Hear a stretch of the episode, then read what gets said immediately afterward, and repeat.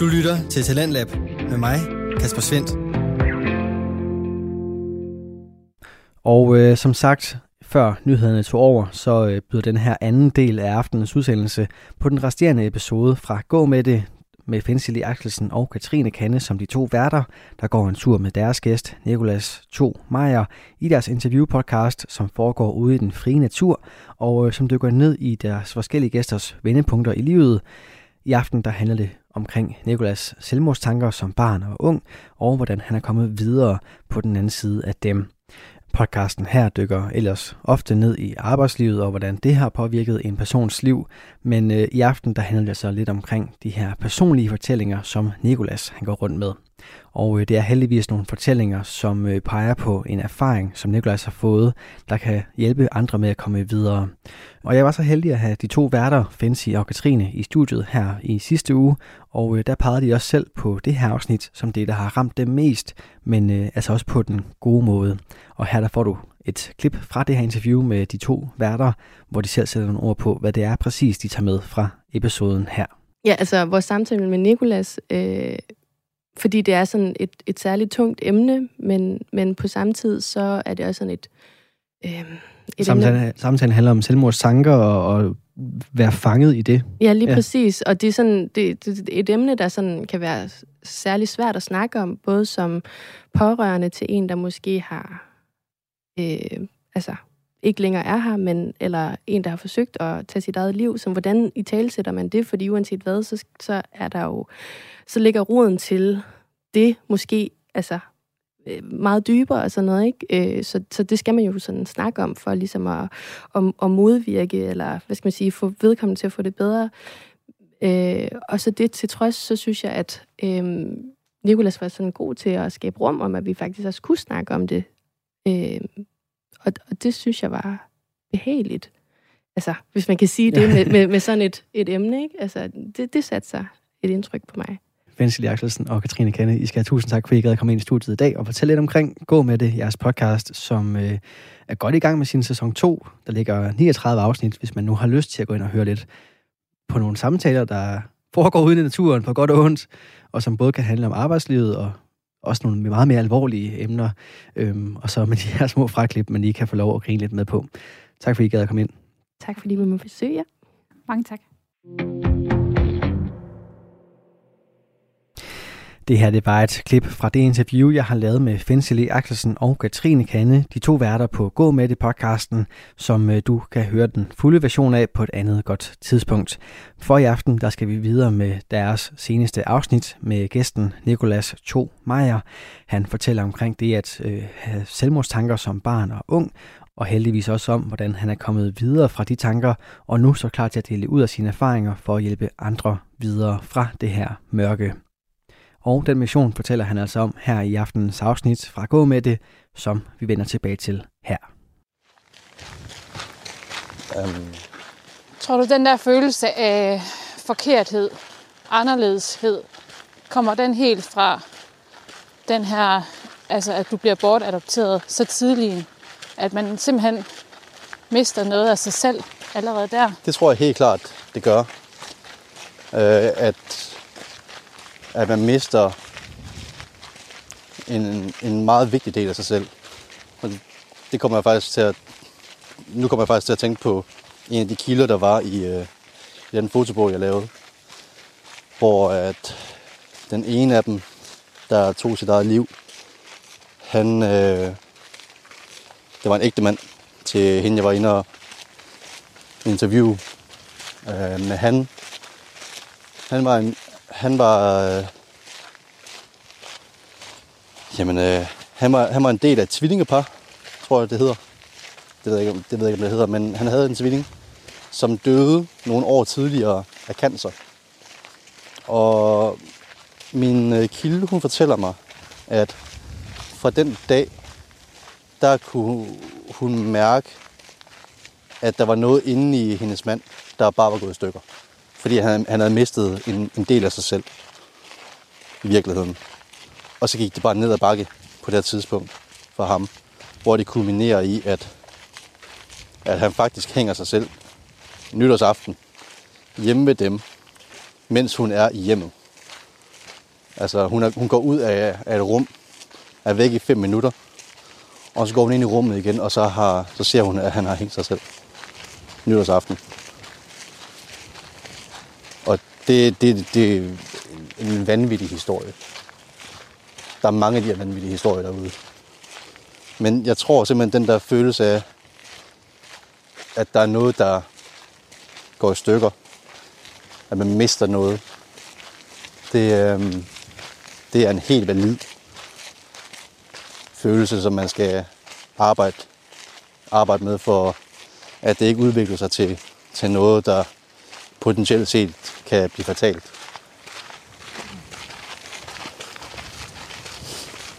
Så, så ja. Hvordan er det egentlig for dig at, at snakke om i dag? Altså sådan at gå så meget tilbage i tid og fortælle om, om alle de her episoder?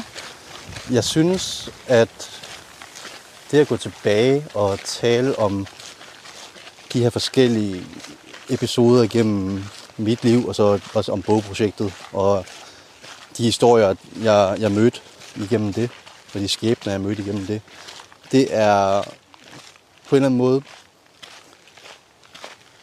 øh, terapeutisk.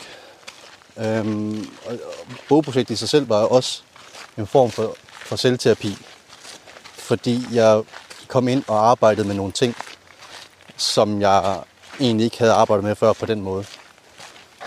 Så det, at, at vi taler om det og går langt tilbage, det, øh, det synes jeg er sundt, og det, jeg synes, at føle, at jeg kommer tættere på, på kernen af, hvad der er mig, og hvad, hvad, der, hvad der er vigtigt for mig. Hvordan? Er der, noget, er der noget, du fortryder i dag? Både og. Der er, altså, der er, altså der, det, det er sådan en, øh, det er sådan et spørgsmål. Spørgsmålet om, er der noget, du fortryder i livet? Altså det, det er jo ofte øh, et spørgsmål, som nogle af mine venner og jeg, vi har slynget mellem os igennem vores tid sammen, siden vi lærte hinanden at kende. Hvor at nogle af argumenterne for at fortryde, er, at så kan vi lige vise tavlen ren. Så behøver vi ikke at føle, at det gjorde så ondt. Så behøver vi ikke at have gjort de her fejltagelser. Men noget, som en af mine rigtig gode kammerater, Hans Jørgen, han har sagt, er, at han ikke fortryder noget som helst. Fordi han er ret, han er ret tilfreds med den version af sig selv, som han er blevet til, kontra den, han var før. På grund af, at han har været de forskellige ting igennem, som han har, han har været. Og den har jeg lidt taget på mig, hvor, hvor jeg faktisk ikke fortryder noget, der er sket. Jeg kunne godt, altså jeg ville få alt i verden håbe, at, at øh, man ikke skal opleve det samme. Altså at, lad os sige, at jeg engang får et barn, at det barn ikke skal opleve det samme som mig. Det vil jeg da håbe, at det ikke skal ske. Men på den, men altså, for mig at se, så har det formet mig til et menneske, jeg egentlig, egentlig godt kan se i øjnene i dag. Kontra den version af mig selv, jeg var for 15 år siden. Ham var jeg faktisk, ham var jeg faktisk ikke særlig glad for. Han, han var faktisk lidt af røvhullet. Hmm. Hvordan håndterer du i dag, når du har det svært så? Jamen, øh, jeg er jo stadigvæk i terapi. Øhm, så det er dels med professionel hjælp stadigvæk. Øhm, og så har jeg, jeg har faktisk fået det, endelig fået diagnostiseret en depression. Så nu får jeg også medicinsk hjælp.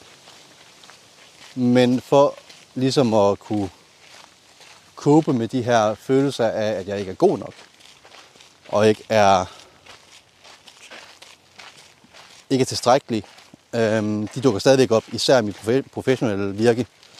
Og også i forhold til, om jeg er en god kæreste, eller om jeg ikke er en god kæreste.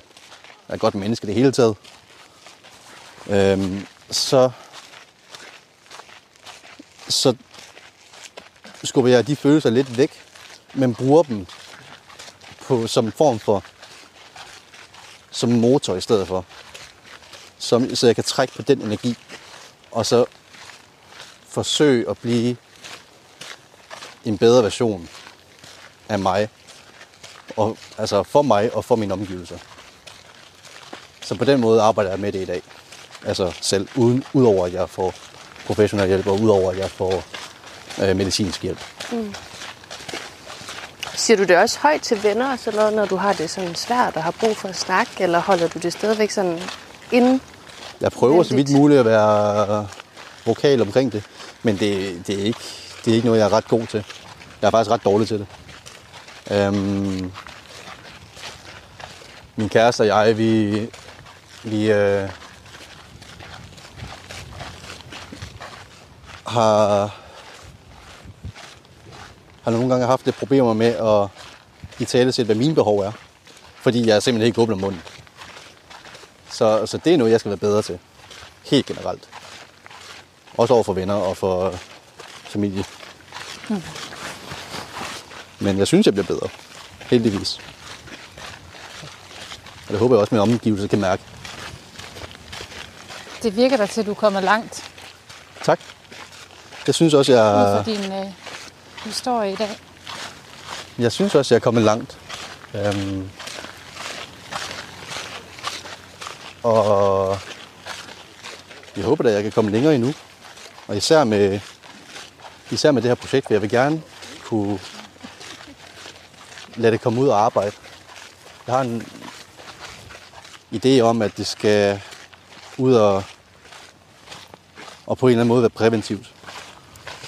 Eller helende. En af delene. Så ligesom at vise, hvad det også indebærer at være, være i sorg. Og kunne leve med sorg. Men ikke lade sig styre af den.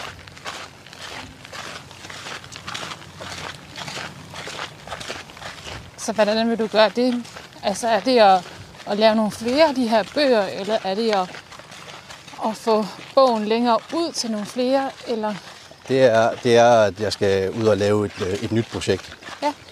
Øh, som i virkeligheden bliver en, øh, en finpudsning eller en, eller en nyfortolkning af det eksisterende projekt. Og så skal det... Jeg skal prøve at se, om jeg kan få, få nogle samarbejdspartnere ind, som, kan, som har fingrene ude og armene ude i øh, de her miljøer, hvor det kan virke. Altså, jeg tænker for eksempel Psykiatrifonden. Ja. Øhm, eller andre, andre fonde og instanser, som, som kan hjælpe med den slags, som kan få, som kan få øh, en bog ud, så den bliver set. det lyder som en god idé. Tak. Jeg håber, jeg håber, det er noget, jeg kan få afsat og dedikeret noget tid til. Fordi jeg, jeg synes, den skal ud og arbejde. Jeg synes, det er... Jeg synes, det er vigtigt, at der kommer mere fokus på det.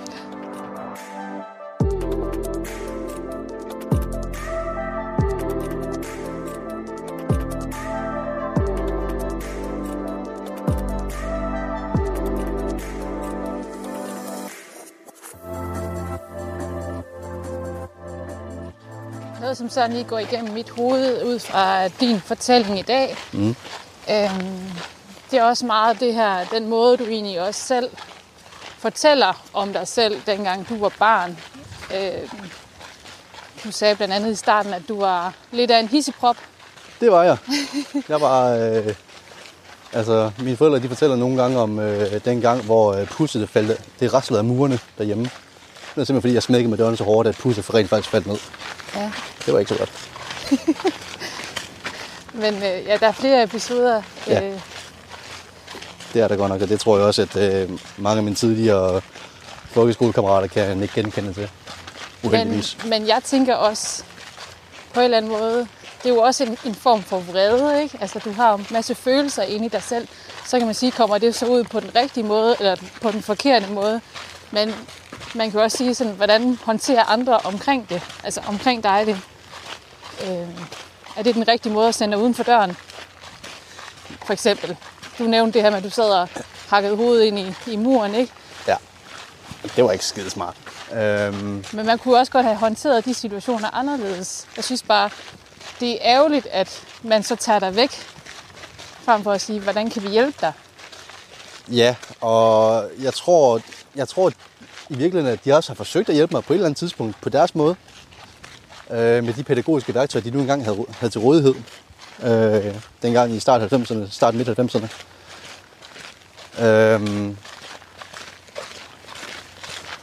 men der, der, altså noget, det, noget jeg også har, har, har lært igennem mit øh, forløb hos, øh, hos min psykolog, det er, at man skal også være til, altså, du skal være modtagelig over for hjælp. Du skal selv ville tage, øh, tage imod hjælpen. For ellers så, så får du ikke noget ud af den. Og jeg tror bare ikke, at, at jeg i virkeligheden har været modtagelig, dengang jeg var, dengang jeg var lille. Nej.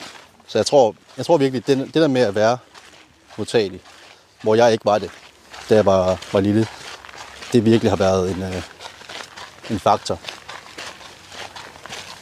Altså man skal nå til det punkt, hvor man er klar til det selv også, og måske også kan indse, måske jeg har et problem. Altså som du også sagde, nu skal jeg have hjælp. Nu skal Ja. jeg have noget professionel hjælp for at komme videre.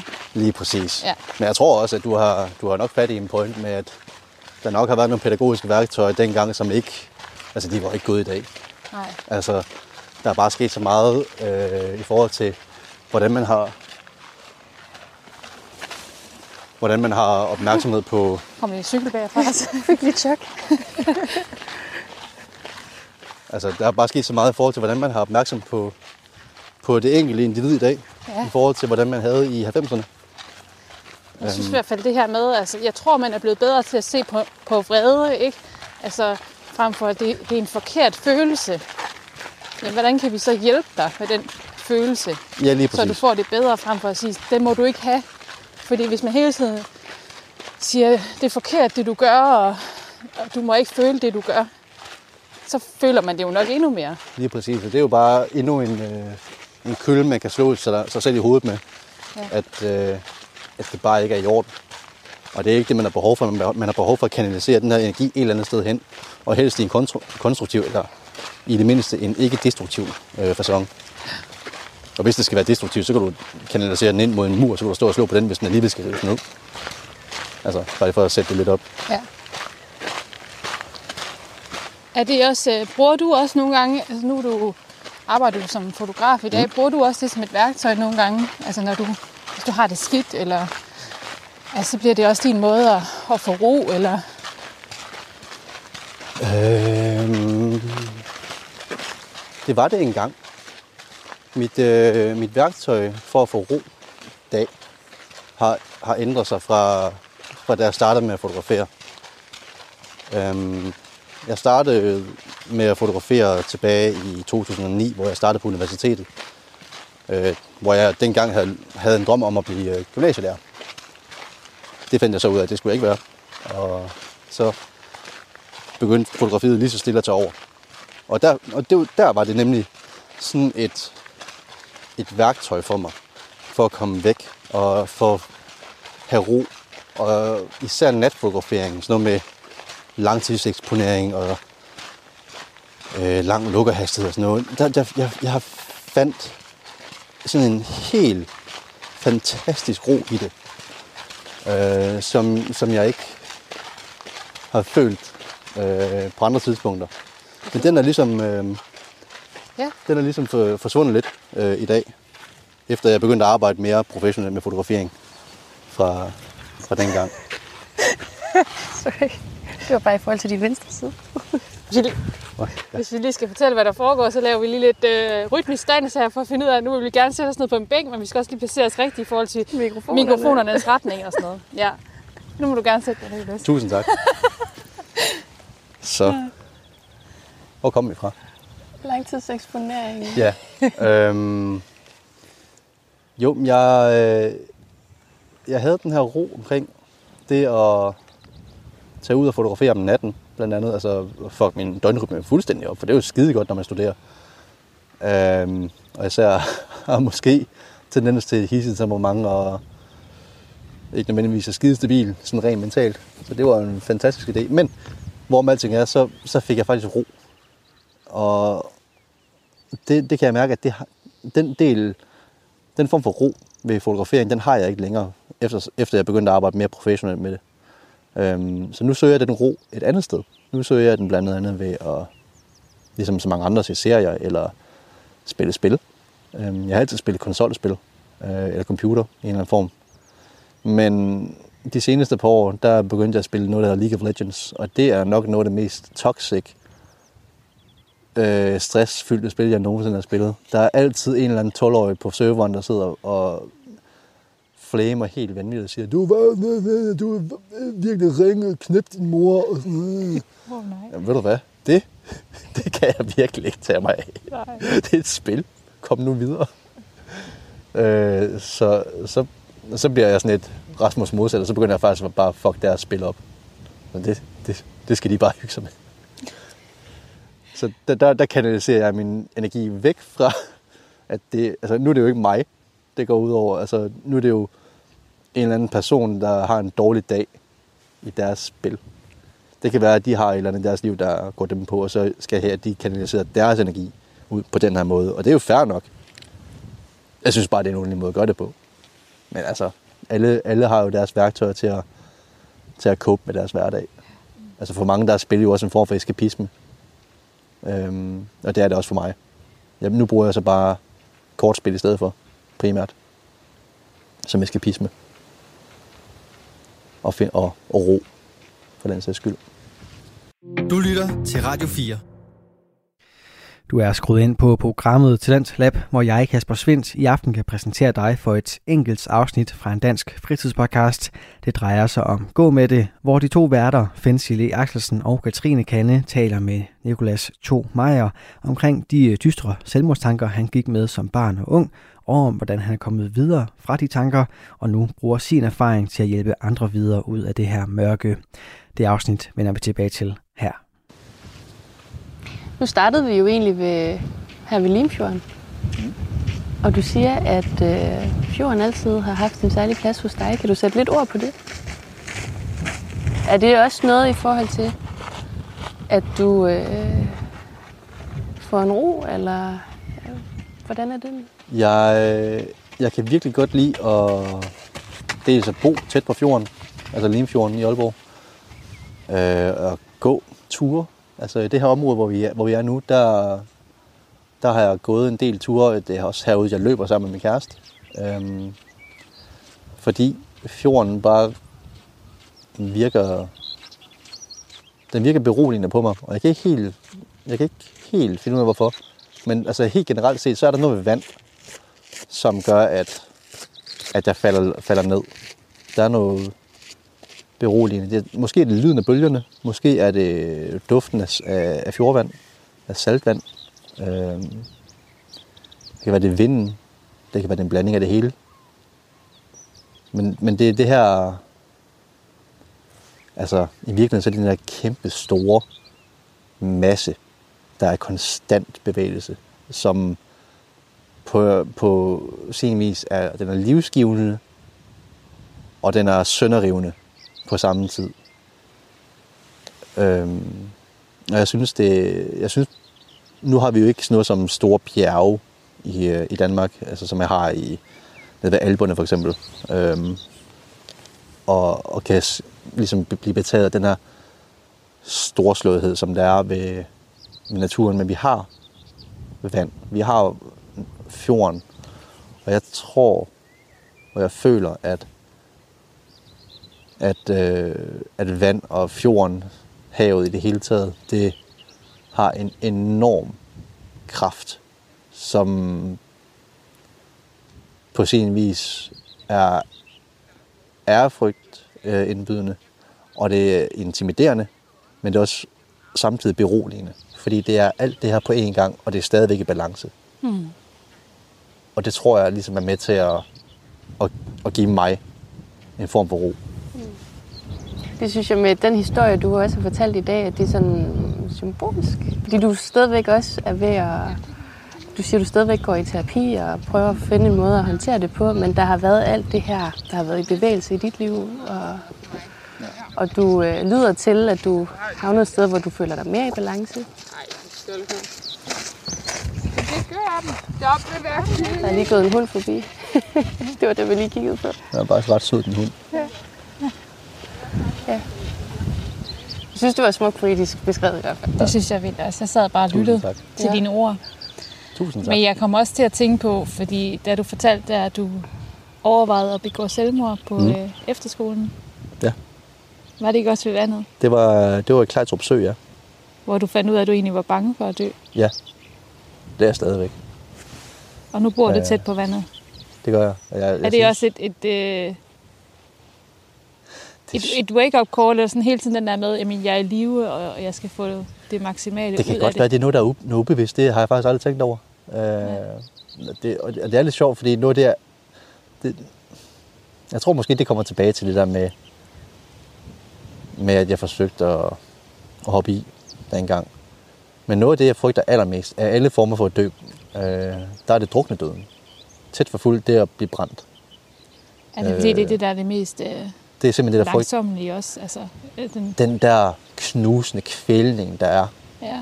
øh, lad- hvis man går til bund, så du har bare mærket, at de her masser af vand ligger ovenpå dig, samtidig med, at, at dine lunger brænder, uden at der er ild i dig.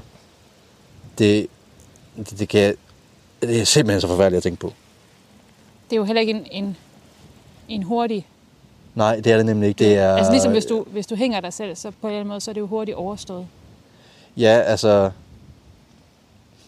Hvis ikke, hvis ikke altså kvælningen i sig selv, den, den går hurtigere ved, ved hængning, fordi det er ligesom ret, ret snappy. Men, men det som den egentlig, altså den gældeknude egentlig er designet til, den er, den er designet til, at den, øh, på engelsk, der, hed- der, der hedder det jo en slipknot, øh, fordi den skal kunne glide. Så det den gør, det er, at den låser fast, og så den øh, knuden bagved, den ligesom sætter en stopper i din nakke, så den snapper, så du knækker, knækker nakken, inden du bliver kvalt. Så det er faktisk det, der sker. Øhm, så så den, den måde, den er meget hurtigere. Hvor at druknedøden, det bare er virkelig længe. Nu sad jeg faktisk og hørte øh, et uddrag fra, en, fra, jeg tror det var et talkshow, hvor der var nogen, der sad og talte om, hvor længe man egentlig kan holde vejret. Og øh, der var en, der havde, og så det er sådan nogle ekstreme tilfælde, hvor det er nogle psykopat kontrollerede forhold. Øh, hvor folk de simpelthen træner sig selv til ikke at trække vejret. Og med, med ansigtet. Bare lige, bare lige sådan ansigtet under vand, så de ikke kan trække vejret. Hvis, altså for dem, der ikke, for dem, der lytter, så er, det, så er der tale om en person, der ligesom har... Hvis man forestiller sig, at det er et menneske, der ligesom lige tager ansigtet, og så ligger sig ned, og så lige dypper ansigtet ned i en balje vand, så det kun lige er, er næse, mund, øjne og sådan noget, der er dækket, så du ikke kan trække vejret. Men på den måde her, det træner de sig selv til at kunne holde vejret så lang tid som muligt. Og rekorden, den er over 20 minutter, mm. uden at trække vejret. Og, og hvis man tænker på den måde, i forhold til det at drukne, så er det virkelig en lang, langsom måde at dø på. Det, det, det, jeg synes, det er forfærdeligt. Og, og dit behov, dit naturlige behov for at trække vejret på grund af kolilte, øh, på grund af kolilte, det bliver bare så stort, at du bare får lyst til at sluge det hele ind mm. og blive kvalt af saltvand eller ferskvand. Man skal virkelig ville det, Ja, hvis man vælger det. det skal man virkelig. Og det, det skal man også med de andre. Øh, jeg har lidt... Der var nogen, altså, der hopper ud fra ting, fra bygninger. De, øh, det er faktisk ikke altid, at de overvejer, hvor højt man skal op. Man skal faktisk ret højt op, for at man er garanteret for, for at dø af det.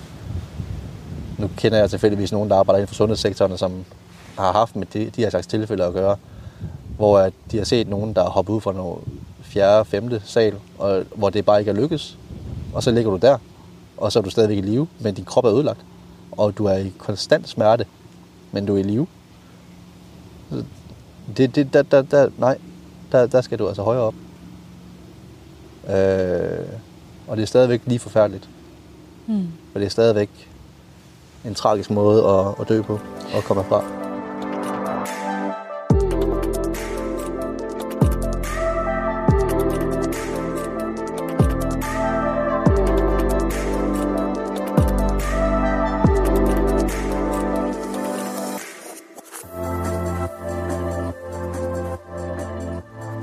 Fortalte du os selv om den her, øh, ham der var tvilling, som begik selvmord. Ja. Fordi det, han simpelthen ikke kunne, øh, kunne rumme den følelse i kroppen, og valgte at begå selvmord hjemme. Var det ved sin kone? Ja, det var i deres, øh, i deres Jamen, lejlighed. Ja. Er det Øhm. også de historier, som du har været vidne til, som er blevet fortalt igennem bogen? Er det tit, man vælger at, at være med sine nærmennesker? Eller går man væk? Er det meget individuelt? Eller er det, Det- et eller andet mønster af, at Det er meget hvis man så vælger det, at man så trods alt gerne vil være tæt på nogen? Ja, man altså, holder af? der var nogen, der... Altså, jeg synes faktisk, at det enten er... Det, det er nærmest enten eller i de tilfælde, jeg har... Altså, man kan sige, det, det har i går sådan kun været 10 mennesker, jeg har snakket med. Men jeg synes, det har været repræ- repræsentativt for de tilfælde, man hører om. Og det, det er nærmest enten eller. På den ene side, der er det, at at du, du hænger dig selv enten tæt på eller i hjemmet, eller så er du sådan lige omkring, eller lidt væk fra hjemmet, så du ikke umiddelbart bliver fundet. Øh, eller så er det med en ret voldsom udgang. Øh, der var en, en anden, øh, simpelthen forfærdelig, en, øh, en 18-årig pige, hun, hun havde virkelig svært ved at, at være i sig selv, og og hun havde faktisk begyndt at få, få det bedre, øh, som jeg kunne forstå på hendes forældre. Øhm, bare nogle uger op til. Øh, det er måske meget lige øh, godt lige at nævne, at det med selvmord, der hvor, der hvor folk begår selvmord, det er faktisk aldrig, når de er helt nede på bunden. For der har de ikke energi til at kunne handle. Der er de handlingslammede. Det er, når de er på vej ned, eller på vej opad.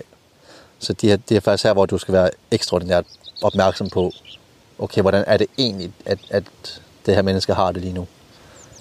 Øh, for det kan godt gå rigtig galt, rigtig hurtigt. Og det gjorde det også her. Hun var på vej opad. Øh, igen humørmæssigt. Men hun vælger simpelthen at hoppe ud foran et tog, tæt på, hvor de bor. Og vi var ude og fotografere, øh, der hvor hun var hoppet ud. Og det, øh, det, trak, det trak mig simpelthen tilbage til, til dengang min, øh, min, min farmor, hun hoppede ud. Øh, jeg var aldrig, jeg så det jo aldrig. Hun, min min øh, farmor, hun, øh, min far er tysker, så min farmor, hun er også tysker. Så det foregik jo tæt på dem i Berlin. Og, og vi sad heroppe i Nordjylland og kunne ikke rigtig gøre noget. Så det har været dybt forfærdeligt for min far, ikke at kunne gøre noget som helst. Og være så langt væk fra det. Øhm, nu tabte jeg faktisk tråden. Jeg kom til at tænke på den her forfærdelige situation med, med hende pigen, der har udfundet tog. Jo. Øh, jamen, det, er, det er sådan, at, at det, det kan være enten med dramatisk udgang, som at hoppe ud foran et tog, eller en anden, der han kørte ind i, øh, han kørte ind i en, øh, i en modkørende på en motorvej øh, frontalt, fordi han, han, han var simpelthen bare træt af det. Øhm, han tog vist også en anden med sig, og det, det synes jeg sgu, det, den er fandme heller ikke god. Øhm,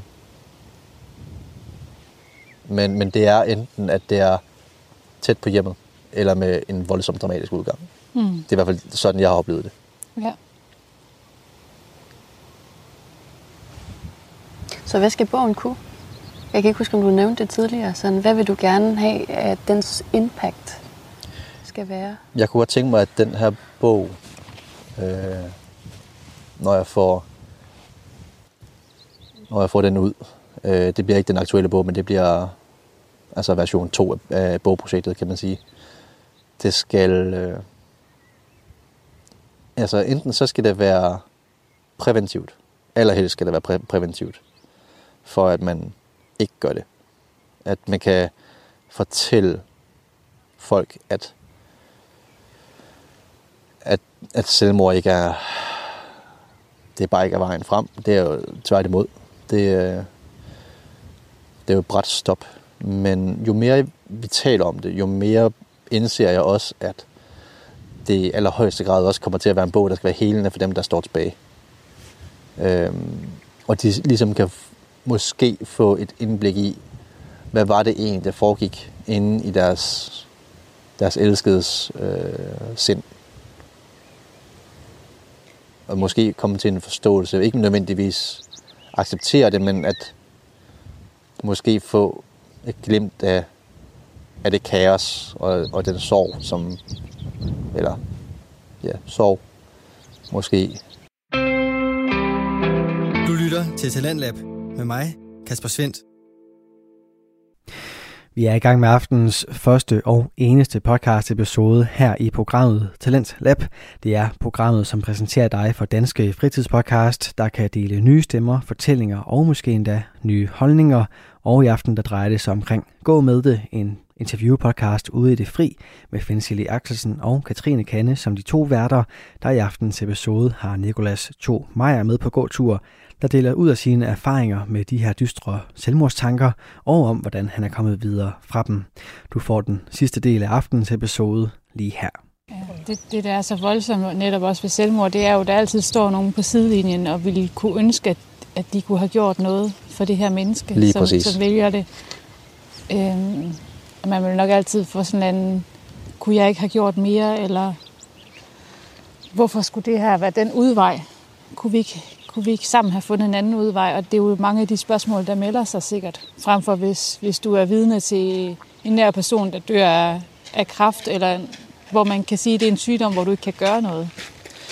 Ja, og altså skyldfølelsen og magtesløsheden, den, den er simpelthen gennemtrængende. Og den går igen ved alle, som, som jeg var ude og interviewe i sin tid. Øh, men magtesløsheden, den, den synes jeg virkelig var, altså den, den gav genklang. Øh, på den, altså på den måde, at, at de, de ikke rigtig vidste, hvad de skulle gøre. De var handlingslammede på en eller anden måde. Øh, fordi de bare ikke... De vidste ikke, hvad der foregik derinde, og de vidste ikke, hvordan de skulle... De vidste ikke, hvordan de skulle øh, hjælpe. Måske fordi de ikke har haft tilgang til, altså til viden, til oplysning omkring det at have folk tæt på sig, som, som har det svært. Altså, der, der er jo mange årsager til, at, til, at man altså, på en eller anden måde har svært ved at, at agere.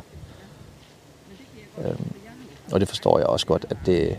Altså, jeg, altså, jeg synes selv, at selvom jeg, jeg sidder i, Det lærte jeg jo også, sådan, så det ikke var noget problem for mig.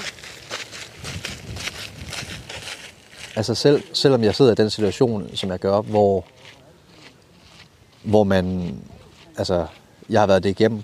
Jeg, jeg, har- jeg har forsøgt, uden at gennemføre.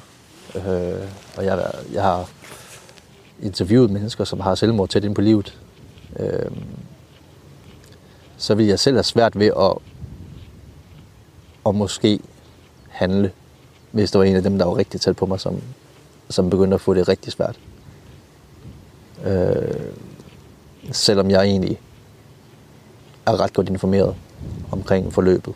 Eller ikke forløbet, men hvordan, hvordan man kan agere omkring det. Hvordan man måske kan, kan undgå, at det sker. Mm. Jeg synes, det, jeg synes, det er svært. Og det, jeg, jeg har fuld forståelse for, at, at andre har synes, det er endnu sværere. Derfor giver det også mening, at du så gerne vil skabe, altså du sagde i begyndelsen, at du gerne vil bidrage til at skabe det her rum, hvor man så kan snakke om den sorg og den magtesløshed ved ikke at kunne hjælpe eller at have mistet vedkommende, som man har haft nær. Ja. Øh. Ja. Øhm, Så jeg synes, det er Det- det- et det- smukt bidrag. tusind tak. Jeg føler i hvert fald, at jeg har behov for det. Så er det godt, du gør noget ved det, frem for bare og, øh, ikke at gøre det. Tak. Ja. og det er sejt, at du så øh, ja, nu tør sådan at, at være mere i følelsen af, når det er svært. Altså fordi, eller frem for at fortrænge det. For jeg tror, det er langt mere konstruktivt i hvert fald. Mm. Tusind tak. Det er i hvert fald... Jeg kan mærke, det er her, jeg skal lægge min energi. Jeg kunne rigtig godt ønske mig, at når den her bog den kommer ud, at jeg så har forhindret et menneske i at tage sit eget liv. Så jeg er sådan set lidt ligeglad med penge. Mm. Øh, den skal bare ud og arbejde, den bog. Tænker du, det, det, er, det er dit kald i livet, Er det ja, Det tror jeg. livsformål? Det tror jeg. hvis man kan være lidt filosofisk? Ja. Jeg tror, at øh, det godt kunne være det. Mm. Jeg føler ikke, at... Altså, jeg, synes, det, jeg synes, det er fedt at lave billeder for folk, der betyder noget. Altså gode portrætter til mennesker, som, som har brug for det til, til deres altså, væg derhjemme, familien. Det synes jeg er livsbekræftende. Øh, Jeg synes, det, det er vigtigt for folk at have nogle billeder til deres virksomheder. Men til syvende og sidst, så det jeg rigtig gerne vil, det er at kunne, det er at kunne vise folk, at, at der, altså, det er svært det her med selvmord. Og, men, men at det ikke, det behøver ikke at være umuligt. Jeg vil gerne kunne, jeg vil gerne kunne forhindre et, et menneske eller to. Gerne, meget gerne flere Mm. øh, i at tage deres eget liv. Du har allerede forhindret en. Det håber jeg. Det er jeg faktisk ikke engang klar over. Du har forhindret dig selv. Ja, Ja. det er faktisk rigtigt. Det har jeg ikke lige tænkt over. Jeg blev jo godt nok stoppet, men altså, jeg kunne have hoppet... Du kunne have gjort det igen. Jeg kunne have gjort det igen. Jeg kunne hvis have du gjort det virkelig alligevel. ville. Ja, det er jo det. Ja. Det var det vigtigste. Det har jeg faktisk aldrig tænkt over. Hvad? Nå, det var en ny. Skal vi gå lidt igen?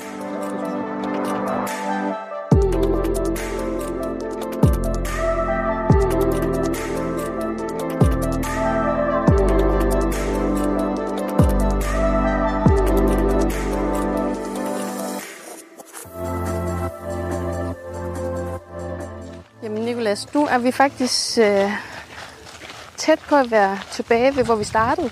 Ja. Og jeg synes også, din historie har bragt dig sådan lidt full circle og givet os et, et billede af, hvem du er. Mm. Hvorfor du er der, hvor du er i dag. Og hvordan du er kommet så meget stærkere igennem alting. Og den måde, vi plejer at, at runde podcasten af med, det er igennem nogle skarpe spørgsmål. Mm. Og det håber vi, du har lyst til at være med på. Ja. Det kan enten være færdiggør en sætning, eller hvad der nu kommer. Okay. Yes. Det første, jeg har lyst til at spørge dig, det er, hvad er det for et impact, du har lyst til at efterlade den her verden?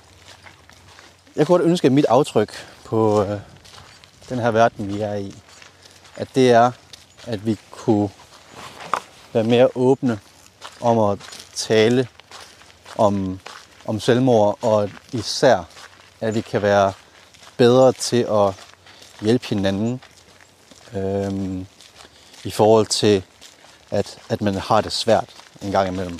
Fordi det der, det der med, at det ender i selvmord, det kan komme mange steder fra. Det kan, det kan starte i det små. Det kan starte med, at man måske er en øh, studerende, som skal performe helt vildt for at få nogle gode karakterer, men man ikke får dem. Og så er det langsomt bare begynder at degenerere, degenerere ens selvværd. Og det skal man altså være god til at kunne, kunne samle op på. Altså bare det at kunne være en god ven, eller en god far, eller mor, eller værve, eller hvad end det nu er. En god øh, betroet, så at sige. Så, så kan man måske, altså uden at man ved det, afvære en fra at tage sit eget liv. på den lange bane. Så det kunne jeg godt tænke mig skulle være mit aftryk. At vi, vi bliver bedre til den slags. Smukt. Tak for det. Selv tak.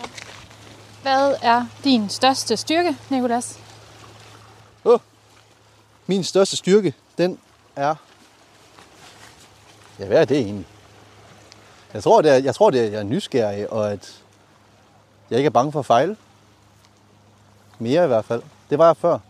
Før var jeg rigtig bange for at fejle. Men i dag, der har jeg ligesom taget det til mig øh, efter... Jamen efter... Jeg tror faktisk, der var en af mine kammerater på medieskolen, han sagde det til mig, fordi han kendte en, der gik på The Animation Workshop, som også ligger i Viborg.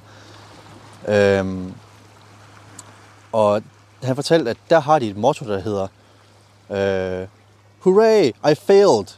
Fordi at når du fejler, så lærer du noget hele tiden. Du lærer det hurtigt, end hvis du har kontinuerlig succes. Så det der med, at du fejler i dag, det har jeg det faktisk okay med. Altså, jeg er ikke bange for det. Og altså, det er surt, hvis jeg fejler. Men så er der en dag i morgen. Og lad os nu sige, at at det er professionelt, jeg fejler. Så kan det være, at kunden finder en anden, og det er helt okay. Så skal jeg ikke have dem som kunde, og de skal ikke have mig som øh, leverandør. Og det er helt okay. Så har vi prøvet det af, og så fandt vi ud af det. Og det samme i, altså i mine personlige relationer, jamen, så er det okay at fejle. Altså det er okay at, altså for mig i hvert fald, at kunne være mig selv. Og det er okay at kunne altså, begå de fejl, jeg nogle gange gør. Eksempelvis i mit parforhold, hvor jeg måske ikke altid er den, der kommunikerer bedst, eller mest for den sags skyld. Øh, og så kan vi så gå tilbage, min kæreste og jeg, og så tale om det. Og så sige, hvad, hvad lærte vi af det? Og så kan jeg blive bedre af det, og, og så bliver vi bedre sammen. Så på den måde er jeg ikke bange for at fejle. Jeg tror måske, det er min bedste styrke, og så at være nysgerrig. Mm-hmm. Nikolas, jeg får lyst til at spørge dig, hvad er det bedste råd, du nogensinde har fået? Det bedste råd, jeg nogensinde har fået... Ej, jeg har fået mange råd. Der er virkelig også mange af dem, der har været gode. Du kun vælge en. Ah. Det bedste råd, jeg har fået... Jeg tror faktisk, det er, vær som du er. Når, når det alt kommer til alt. Der er mange af dem, der har været sådan noget, tro på dig selv, øh, og der har været mange af dem, at, altså, at man bare skulle ture. Men det der med, at, at jeg skulle bare være mig selv, og ikke altså, ændre mig ud fra den, hvad kernen af, jeg, af mig er. Det tror jeg faktisk er det bedste råd, jeg har fået. Og det, det har jeg fået sådan over flere omgange. Fra, flere, altså fra uafhængige kilder, som kender mig. Og det er, det er jeg faktisk rigtig, rigtig glad for. Det synes jeg også er et rigtig godt råd. Det synes jeg også. Og så er det bare med at holde fast i det. Ja, og det er jo faktisk svært i sig selv. Ja. Altså, fordi hvem, hvem er man egentlig? Altså, i virkeligheden, når alt kommer til alt. Men jeg tror, sådan en samtale som det her, er, er med til at, om ikke andet, redefinere, men som påminde en om, hvem man er, hvad- og hvad man står for. Hmm. Hvad der egentlig er vigtigt. Ja. Mm. Fantastisk. Jeg vil bare sige tusind tak for en mega god gåtur, og tak fordi du åbner så meget op. Selv tak, og er tusind tak for Tusind invitationen. tak for det. Nu kan jeg lige uh, tilføje her til sidst, at, øhm, at jeg har jo mødt dig nogle gange mm. inde ved syndikatet, hvor dig og Fancy har siddet og arbejdet ved siden af hinanden. Ja. Og det, man taler om der tit, det er jo bare uh, teknisk udstyr, kamera, hvordan det virker og sådan noget. Du har givet en masse Ja, ja. råd, Ja, lige fordi jeg godt præcis. kunne tænke mig at købe kamera. Men jeg synes, at det giver mening for mig det her også med, at man lige kan komme et spadestik dybere. Mm, Tit når man møder folk, så snakker man jo egentlig meget overfladisk. det gør man Men der er jo så virkelig. meget dybde i alle mennesker. Ja. Så øh, ja, det giver bare rigtig god mening. Det er jeg helt enig med dig i. Og jeg, jeg er virkelig glad for, at vi kunne, kunne have den her samtale. Ja, Også mig. Jeg føler i hvert fald, at jeg har lært dig væsentligt meget bedre at kende også. Altså de lag, der er Mm. til dig. Så tak for det, at Selv du vil tak. dele. ja tak for nu. Tak for nu. Tak fordi du var med på den her gåtur med øh, Nikolas. Vi er i hvert fald gået fra samtalen meget øh, taknemmelige og meget øh, Beæret, vil jeg sige, over Ja. ja. at vi må få lov til at, ja, at være talerør for, for det her emne. Det er i hvert fald vigtigt, at vi er gode til at i talesætte sådan nogle emner, der går tæt på og kan være svære at tale om. Og øh, man kan sige, Nicolas kender vi begge i forvejen, men vi har aldrig øh, talt om det her emne med ham. Og inden vi gik i gang med samtalen, så sagde han også, om vi ikke skulle vente med at vide for meget, og bare lade det komme naturligt, mens vi optog. Så det har i hvert fald gjort meget indtryk på mig, at, øh, at han ville dele sin historie. Og man kan sige, selvom det er meget tungt emne, så synes jeg alligevel, at, at Nicolas formåede at gøre det til en, en, en god oplevelse, en, en fornøjelig oplevelse, også bare fordi, at ja, det kan du nok også godt høre i fraklippene ham bagved, at øh, altså, vi er, han er ret god til sådan at, at sætte stemning på, på sådan en stemning, hvis man kan sige det sådan. Det tror jeg godt, man kan. Så måske også en lille anbefaling til dig, at øh, som menneske, så har vi måske altid en tendens til at, at berøre de emner, der godt kan virke overfladiske, eller ikke overfladiske. Kan det... Jamen, at vi måske har en lidt for stor tendens til at bare sådan at, øh, ja, måske snakke om vejret, eller noget, der er nemt, men at det også kan betale sig at spørge lidt dybere ind til en person og finde ud af, hvad der egentlig ligger bag. Det gør i hvert fald, at vi kommer tættere på hinanden som mennesker, og det er også det, vi gerne vil med den her podcast. Så ja, vi er bare glade for de historier, vi får lov til at dele, og for, at du har lyst til at, at lytte med. Hvis du godt kan lide gå med det, så, øh, så synes jeg bare, at du skal anbefale til en, til en god ven. Og øh, det vil vi bare blive super glade for. Og ja, velkommen tilbage næste gang. Det siger man ikke. Men du forstår nok, hvad jeg mener. Vi glæder os bare til at, at sige hej til dig igen i næste afsnit. Ja, det gør vi. Vi lyttes med. Det gør vi. Kommer der en bænk herude i en? Au, fordi man sidder ikke så vanvittigt godt her, kan jeg så sige. Det kunne jeg. Ikke en bænk, men der er Jeg sådan ved, en form at øh, op, der, der er nogle shelter deroppe Ja. på et tidspunkt. Ja, det, vil være Det kan noget. Det bedste er Føtex kunne byde på. Nå. Det er kan sgu utroligt, hvad man noget. nogle gange kan få i Føtex. Altså, man kan jo egentlig bare få alt, også i Bilka. Det er helt sindssygt. Man skal virkelig lede længe efter bare at få en mælk.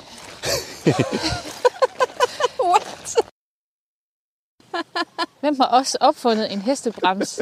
Altså, hvad er dens, Flyv med det. Ah, ja, flyv med det. hvad er dens funktion? Ah, men den, den, er jo, den er jo bare sat i verden for, at den skal pisse folk af. Ja. Hold kæft, det er en lorte dyr. Der er en bænk. Du er en bænk. Jeg har ikke noget comeback. Shit, der er meget lort. Kan de ikke lære at lave lort et sted? Shit, der er meget lort ved verdens ende. Det er det, man kalder et lortested. Det tager jeg med som fraklip. Just do it. Radio 4 taler med Danmark.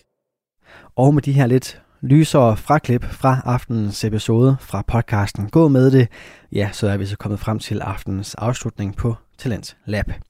Mit navn er Kasper Svens, og øh, jeg havde fornøjelsen af at præsentere dig for et enkelt afsnit, og øh, det var altså Fencity Axelsen og Katrine Kanne, som talte med Nikolas To Meier i Gå med det. Og øh, hvis du vil høre flere afsnit fra Gå med det, den her interviewpodcast ude i det fri, så kan du enten finde dem på din foretrukne podcast tjeneste, men du kan selvfølgelig også finde tidligere Talents Lab udsendelser, både med og uden Gå med det, i vores Radio 4 app eller inde på radio4.dk. Og inde på den hjemmeside, der kan du også sende din egen fritidspodcast ind til programmet her, hvis du ønsker at dele den med endnu flere, samt deltage i vores podcast udviklingsforløb. Der er ingen begrænsning for, hvad din podcast den kan eller skal handle om, for her i programmet, der tror vi på, at det du har at fortælle, det har vi lyst til at dele. Mit navn er Kasper Svendt, og øh, nu der er det tid til nattevagten her på kanalen. God fornøjelse og på genlyt.